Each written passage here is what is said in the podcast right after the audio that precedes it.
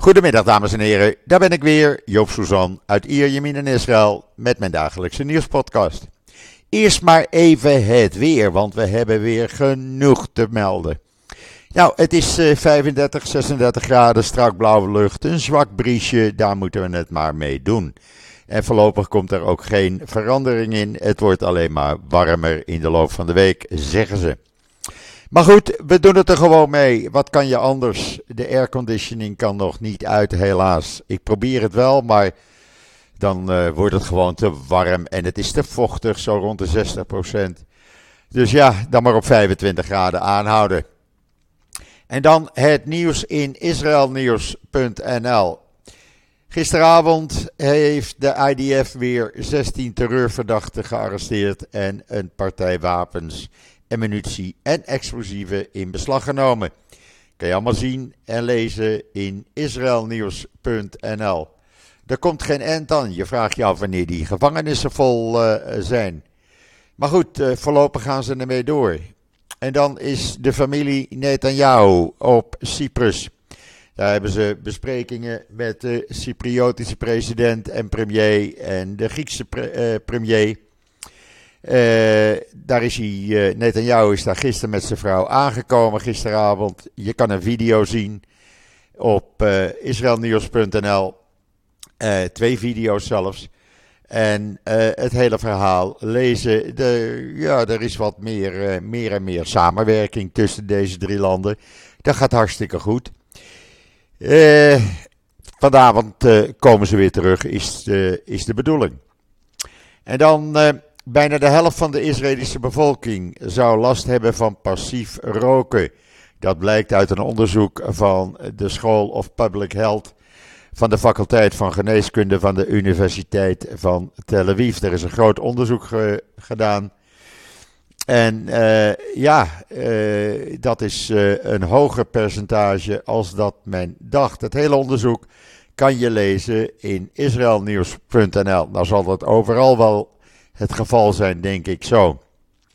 En voordat Netanyahu gisteren naar Cyprus vertrok, had hij nog een uh, uh, ontmoeting met een delegatie van Amerikaanse congresleden. Dat was georganiseerd door de EPAC.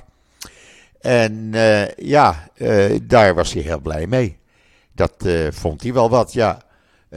mooie foto kan je zien in Israël Nieuws daarvan.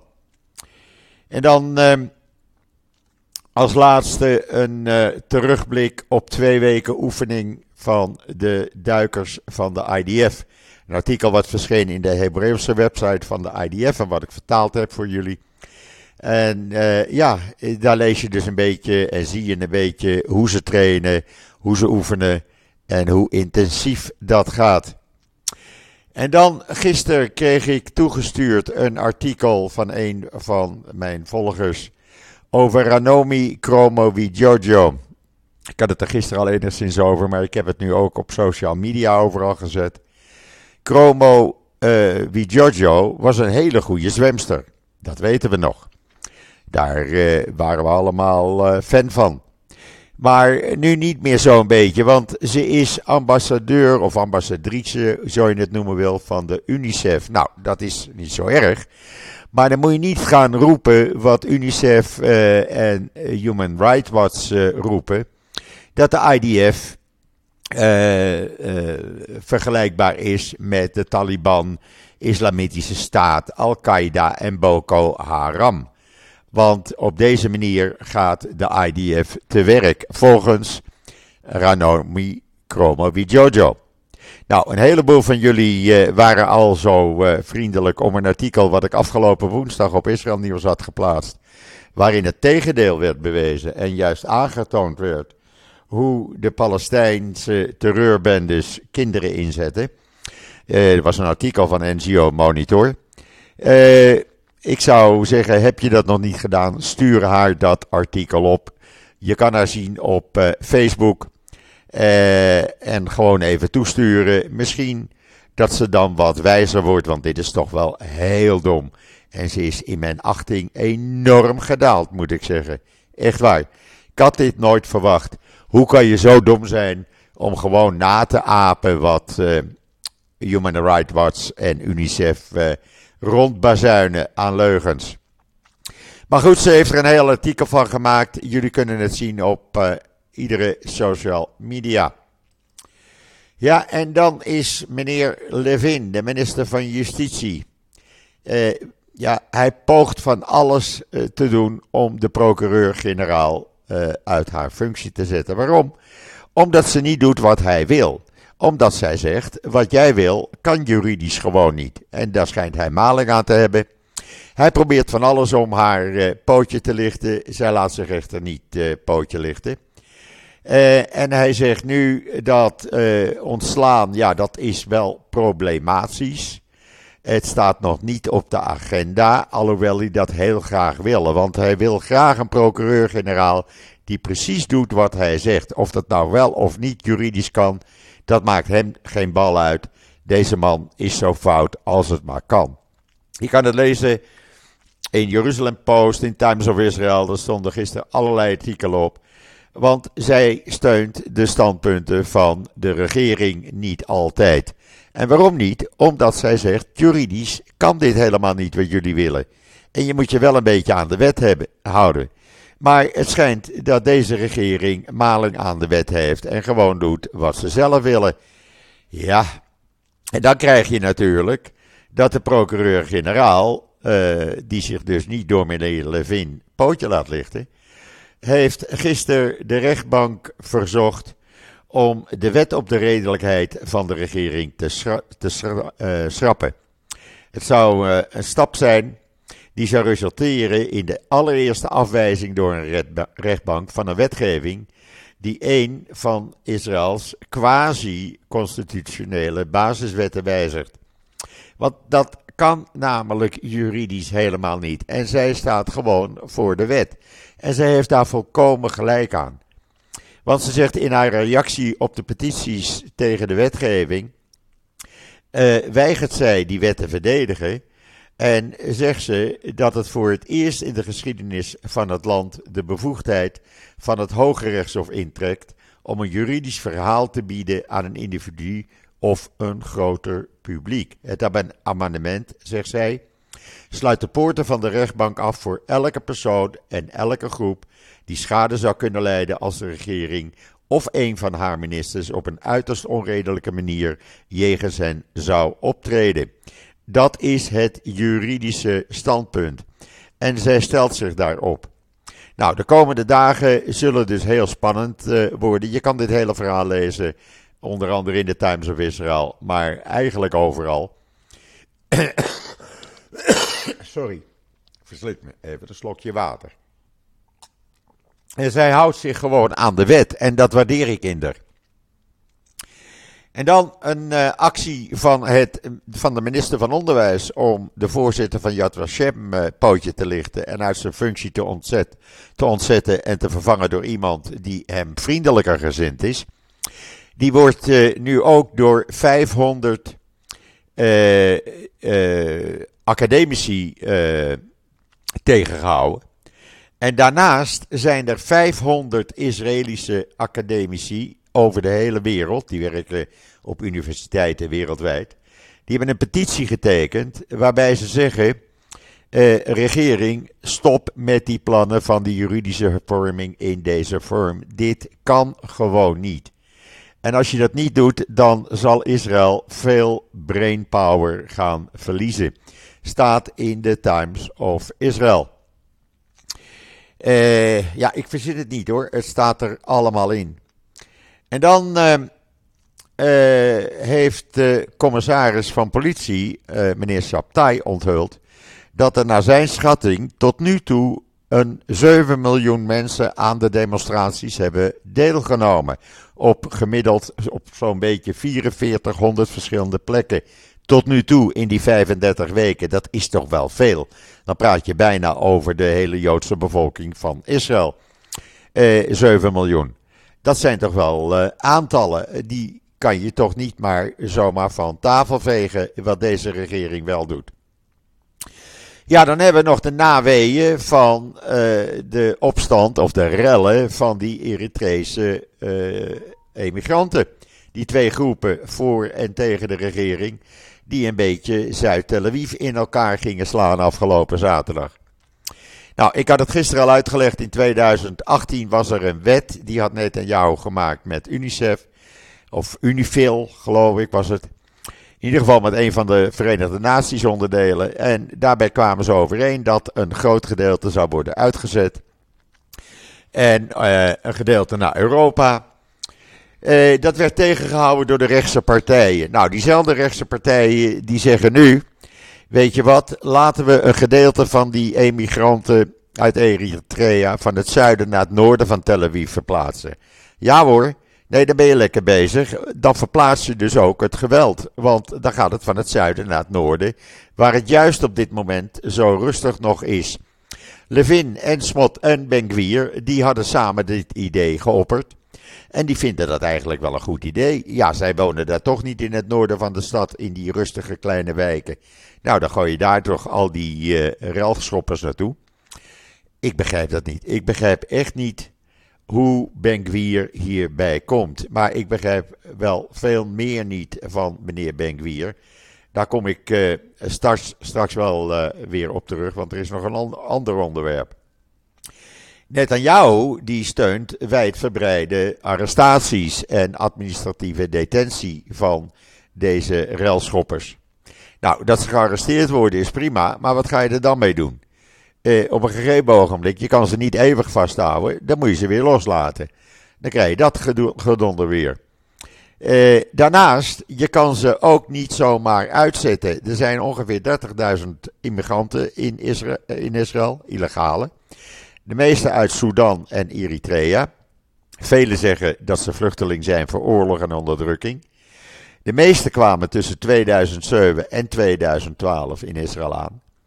Uh, daarna werd die uh, barrière gebouwd tussen Egypte en Israël. En er komt er bijna niemand meer de grens over. Uh, ja, er zitten er nu 50 vast na die rellen. Maar Israël heeft ook allerlei internationale wetten getekend waar je je aan moet houden. En dat betekent dat je ondanks dat ze enorme rellen maken, je kan ze niet zomaar het land uitzetten, want dan zit je weer met internationale verdragen in je maag. Dus zo makkelijk gaat dat allemaal niet.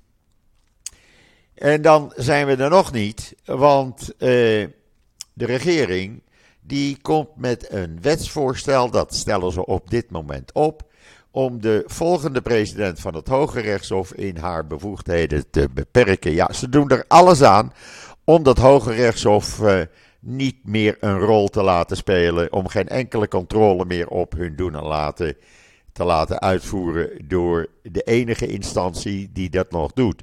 Esther Hayuti gaat 15 oktober met pensioen. Dan komt er een andere. Uh, ja, wie dat is, is nog niet bekend. Er is een vriendje van meneer Levin, de minister van Justitie, die het graag zou willen worden. Nou, die doet dan precies wat Levin wil. Uh, ja, maar dan heb je dus helemaal geen controlerende instantie meer in Israël. Dan doet het, uh, de regering precies wat ze willen. Uh, of daar nou wel of niet mensenrechten mee geschonden worden. Of mensen wel in hun rechten beperkt worden. Maakt hun allemaal niets uit. Ze willen, kosten wat het kost, die, het Hoge Rechtshof minder controle op hun doen en laten laten uitvoeren. Kan je lezen in de Times of Israel. En dan is er een illegale monument ter, ter nagedachtenis Arina Snerp. Hadden kolonisten een illegaal monument opgericht. Nou, dat is vernietigd door de IDF. En de settlers en het bestuur heeft gezegd: uh, jullie vernietigen maar, wij herbouwen dat monument weer. Ja, sorry, ook als kolonist moet je je aan, een, aan de wetten houden. En dit was een toeristische observatiepost op een heuvel. ja, daar kan je niet zomaar illegaal gaan bouwen. Iedereen moet zich aan de wet houden. wij allemaal ook kolonisten. Sorry, of het nou wel of niet voor Rino Snerp is. Je kan niet zomaar illegaal aan de gang. En dan is er voor het eerst een Palestijnse delegatie die besprekingen heeft met Amerikaanse vertegenwoordigers over de eventuele deal diplomatieke deal tussen Israël en de Saoedi's. Ze gaan uh, morgen met die Amerikanen praten, onder andere met meneer Brett McGurk. Dat is een uh, hoge official van de National Security Council uit Amerika. En dan gaan ze dus kijken wat de voorwaarden zijn voor de uh, diplomatieke betrekkingen tussen Israël en de Saoedi's. En dan Galant heeft eindelijk na een paar dagen wat laten horen. Want hij uh, haalde uit tegen al die Likud-Knessetleden en uh, extreemrechtse Knessetleden die afgaven op de IDF. Die de IDF uh, helpers van de terroristen vonden. Nou, hij vindt dat schandalige opmerkingen.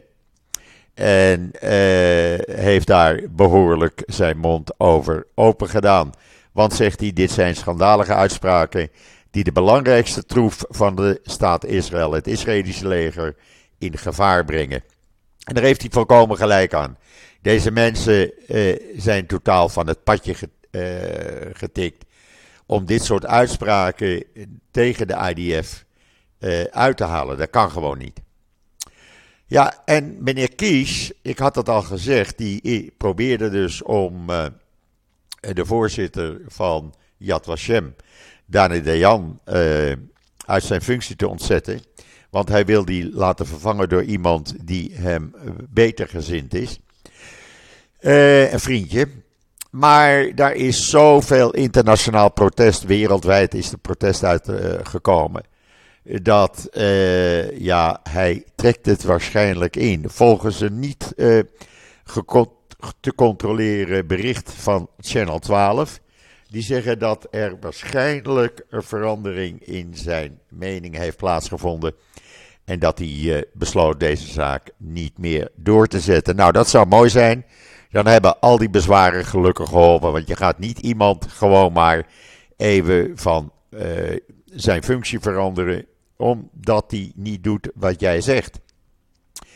En dan in de Haaretz een opvallend artikel. En ja, dat klopt wel een beetje bij al die aanrijdingen die de laatste tijd plaatsvinden tussen auto's van Ben Eh, waar hij mee vervoerd werd en zijn eh, delegaties.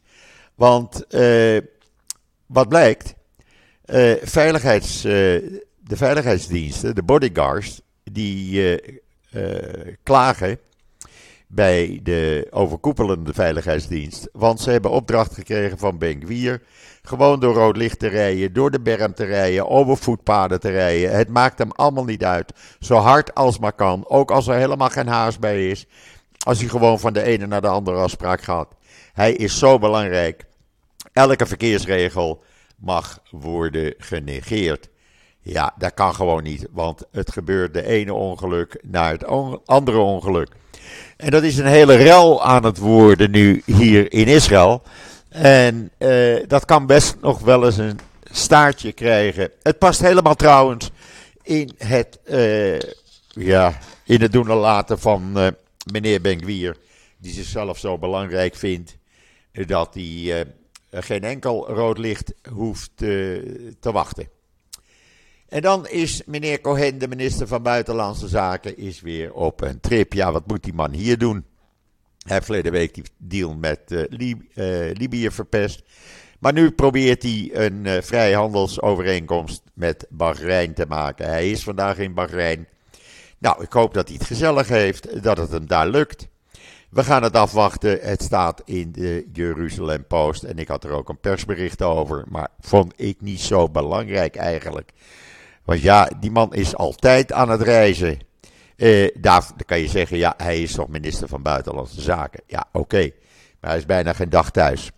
Maar goed, laten we kijken. Dit was allemaal al in kan en de kruik. Het hoeft alleen eigenlijk ondertekend te worden. Dus zoveel kan hij er niet aan verpesten, zullen we maar zeggen. En dan, uh, ja, uh, een verklaring uh, van uh, Netanyahu. Die zegt dat uh, ja, de, de bespreking, de bijeenkomst tussen meneer Cohen en zijn Libische collega. die was niet zo handig en niet zo nuttig en dat zal niet opnieuw gebeuren. Dat zei Netanyahu gisteren tegen de Cypriotische pers. Je kan dat ook zien in dat video die in israelnieuws.nl staat. Het is heel belangrijk, zei Netanyahu, om discrete kanalen te onderhouden. Ze mogen niet op een ongecontroleerde manier bekend worden gemaakt.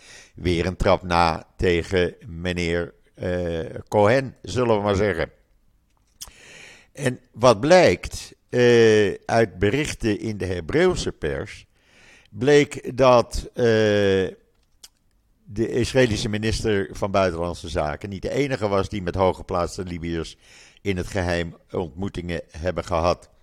Ook de bekende Israëlische advocaat Mordechai Tzivin heeft in de afgelopen jaren zeer hoge Libische functionarissen ontmoet. Uh, uit naam van Israël. En daar besprekingen mee gehouden. Hij zegt dat in tegenstelling wat wordt vaak uh, gedacht. Israël is toch het voorkeursland van de Libiërs. Voor hulp op verschillende terreinen. En ze geloven, de Libiërs, sterk in de legendarische Joodse geest. En missen de Libische Joden. Hoe mooi is dat? Het staat in de Hebreeuwse pers vandaag. En uh, ja, Mordechai Tzivin is een advocaat die zich bezighoudt met internationale juridische zaken. En vaak ook Israëlische Arabieren vertegenwoordigt in vijandige landen. Dus het is niet zomaar een onbekende, zullen we maar zeggen. Uh, daarnaast blijkt uit een bericht in I24 Nieuws dat de Libische premier in 2022 een geheim gesprek uh, hield met de Mossad-baas. Ook dat komt nu naar buiten. Die man kan dan wel zeggen van dit pik ik niet en dat mag helemaal niet. Nou, hij doet het zelf ook. Uh, de Libiërs, dat komt wel goed met Israël en de Libiërs. Ja, en dan gisteren is uh, de directeur, de rector magnificus, zo je dat noemen wil, van het Herzliya Gymnasium, een van de meest vooraanstaande gymnasia in uh, Tel Aviv of in Israël. In Tel Aviv is die uh, gevestigd. Die is plotseling afgetreden. Waarom? Er waren 200 leerlingen uit de hoogste klasse. Die wilden gisteren een document ondertekenen. Eh, waarin ze verklaarden dat ze niet de dienstplicht zullen gaan vervolgen zolang deze regering er zit. Nou, eh, dat mocht van het ministerie van Onderwijs niet. Die trapte het bestuur op de vingers en die zei: daar moeten jullie wat aan gaan doen. Het bestuur van het gymnasium heeft gedaan wat het ministerie van Onderwijs zei. En dat verboden, waarop die rector magnificus uh, zijn biezen pakte. Die zegt: Ik laat me niet de les lezen. Uh, dat schijnt een hele goede te zijn geweest volgens een van de schoondochters, want twee van de kleinkinderen zitten daarop. En deze man zou fantastisch werk hebben verricht. Hij was ook uh, vooraanstaand bij de demonstraties. Maar goed, dat moet je in je privé-tijd doen. Dat heeft niets met je schoolwerk te maken. Jammer dat dat zo loopt. En uh, ja, uh, ik vind eigenlijk dat dit een foute beslissing is geweest van het bestuur. Uh, had die jongelui gewoon hun gang laten gaan, dan had het allemaal goed gekomen. En dan was er een uh, jongen, de 13-jarige Itamar Grossman uit kibbutz, kibbutz Ashdod, Jacob Meogat. En die was uh, in het Susita Nationaal Park aan het lopen en die zag iets op de grond liggen. Hij pakt het op en wat blijkt? Een 1700 jaar oude Romeinse ring vond hij daar. Kan je allemaal lezen in de Engelstalige Ynet. Hij vond het al uh, zo vreemd uh, lijken. En uh, hij dacht eerst dat iemand het verge vergeten was, verloren was. Maar hij pakte het toch maar op, bracht het naar de Natuur- en Parks Authority. Ja, en het bleek naar onderzoek 1700 jaar oud te zijn. Nou, dat is toch geweldig als je dat zo vindt. Zo zie je maar, als je in een uh, Israëlisch Nationaal Park uh, loopt, is het altijd goed om even je ogen op de grond te houden. Dan uh, weet je nooit wat je vindt. Ja, en dan Elon Musk. Ik heb het er niet zo op zitten. Ik vind dat X, of Twitter, wat het dan voor mij nog steeds is, ook slechter is geworden. Maar meneer Musk, die schijnt eh, wat antisemitische tendensen te hebben, volgens de Jeruzalem Post. Want die trekt zich niets aan van oproepen om de ADL te verbieden, die nogal antisemitische uitlatingen doet.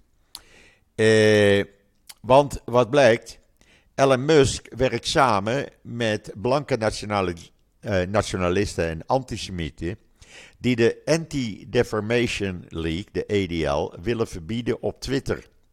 Want ze vinden dat deze Joodse organisatie te veel invloedrijk is op Twitter. En Musk heeft zijn volgers zaterdag gevraagd uh, of hij uh, de hashtag ban de ADL moet laten staan en moet omarmen. Want die, uh, ja, die wordt toch wel uh, gebruikt door extreem rechts en blanke nationalisten. Musk vond het ook leuk. Als je dat verhaal leest in de Jeruzalem Post, is hij echt een, ja, laten we zeggen, een nationalist. Een, een zelfbenoemde antisemiet, zullen we maar zeggen. Echt heel raar, die meneer Musk. Wat dat betreft is het er niet op vooruit gegaan. Wat er wel op vooruit is gegaan hier in Israël, is dat de uh, medische interne bij ziekenhuizen minder hoeven te werken in de periferie van het land. Er is eh, 1 september is dat ingegaan, kortere diensten voor uh, medische uh, medici die in de ziekenhuizen in de noordelijke en zuidelijke periferie van Israël werken. Die zijn van kracht geworden. Uh, er is een akkoord tussen het ministerie van Financiën en de Israel Medical Association. Uh, ze moesten eerst 26 uur achter elkaar werken. Daar hebben ze een aantal keren voor gestaakt, als jullie nog herinneren. Het nieuwe plan reduceert de diensten tot ongeveer 21 uur. Maar voorlopig alleen nog in ziekenhuizen buiten Tel Aviv, Jeruzalem, Asdod en Haifa. Maar goed, het is een eerste stap. En uh, het betekent betere arbeidsomstandigheden, maar ook betere verzorging voor de patiënten, zullen we dan maar zeggen. Ja, en dan uh, had ik het net even over die, uh, dat Herzliya Lyceum. Maar in de Jeruzalem Post staat een hele analyse van Jona Jerema Bob uh, hoe de IDF zal omgaan met weigering van uh, Israëlische middelbare scholieren om in dienst te gaan. Want het is een heel nieuw fenomeen. Dat is eigenlijk nog nooit voorgekomen. Uh, dat evenement dus, wat ik zei, op het Hetzlia Lyceum, was afgelast. Dat ging dus niet door.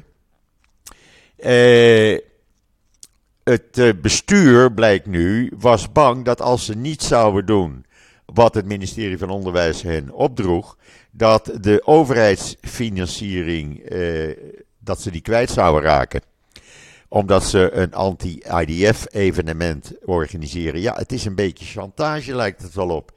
Maar het staat er toch echt. En hoe gaat de IDF hier in de toekomst mee op? Daar, dat is iets heel nieuws. En dat moeten ze nog uitvinden. Ze weten dat gewoon nog niet. Uh, ze moeten daarop anticiperen. Maar hoe ze dat gaan doen, uh, ja, ik weet het niet. We hebben natuurlijk al die duizenden reservisten die dienst weigeren. Ook dat is iets wat nooit voorgekomen is. Dus ja, uh, deze regering heeft wel voor nieuwe zaken gezorgd die eigenlijk nog nooit eerder in Israël op deze uh, in deze grootte zijn voorgekomen. En dan een leuk bericht uit Barcelona.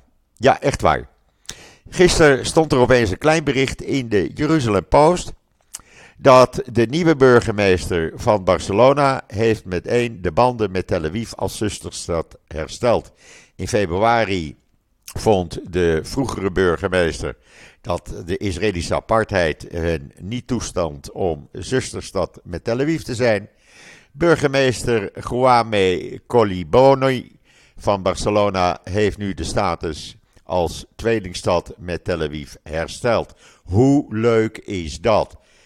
Dat zijn toch leuke berichten die er dan ook nog wel eens gebeuren. Hij heeft een brief geschreven aan Netanyahu. Uh, en uh, nou, het is allemaal weer in kannen en kruiken. Uh, hij is sinds 17 juni burgemeester. En het, een van de eerste dingen dus die hij gedaan heeft, is ja, weer zusterstad worden met Tel Aviv. Ja, en dan de komende dagen, mensen. Het wordt zo belangrijk. Het wordt zo belangrijk met het Hoge Rechtshof, met de regering. Echt waar. 12 september bereikt het hoogtepunt. Maar neem van mij aan, er zal geen dag voorbij gaan deze week. Eh, waarin er niet iets eh, gebeurt waarvan we zeggen: hé, hey, uh, waar zijn ze nu weer mee bezig? Ik sta nergens meer van te kijken wat deze regering doet. Maar goed, eh, we zullen het gaan zien. Nog een ander punt wat mij opviel op social media. Het bleek dat met Arkia afgelopen zaterdag vijf of zeven koffers van de familie Netanyahu naar Cyprus waren vervoerd. Waarom? Geen mens die het weet. Hebben ze daar zoveel kleren in voor die ene nacht overblijven in een casinohotel? Want ze moesten niet in een gewoon hotel. Nee, dat ging in een casinohotel 70 kilometer van de hoofdstad. Maar goed, dat vindt Sarah waarschijnlijk leuk. In ieder geval, iedereen vraagt zich af: wat zijn die vijf of zeven koffers geweest? Ja, en dan hebben we gisteren natuurlijk ook allemaal uh, genoten van Max Verstappen natuurlijk, die ja, een uh, record op zijn naam heeft gesteld. Tien races achter elkaar, wat niet zo snel meer gewonnen zal gaan worden, denk ik, in de toekomst. Misschien gaat hij dat nog in Singapore verbeteren. Ik heb er in ieder geval van genoten. Het was echt een, een heerlijke wedstrijd om te zien. Voetbal, nou ja, Ajax, ik weet niet wat ik daarmee aan moet. Ik zei het gisteren al. Ik uh, ben daar niet helemaal aan gewend. Uh, ik kijk met een half oog ook wat PSV doet hier op uh, het sportkanaal. Feyenoord natuurlijk, AZ hebben we gezien. Ajax, ja. Ik weet het niet, ik ken geen één speler. Maar goed, uh, daar zullen we ook wel in groeien. Dat was het zo'n beetje voor vandaag. Ik wens iedereen een hele fijne voortzetting van maandag 4 september. Ik ben er morgen weer en zeg zoals altijd: tot ziens. Tot morgen.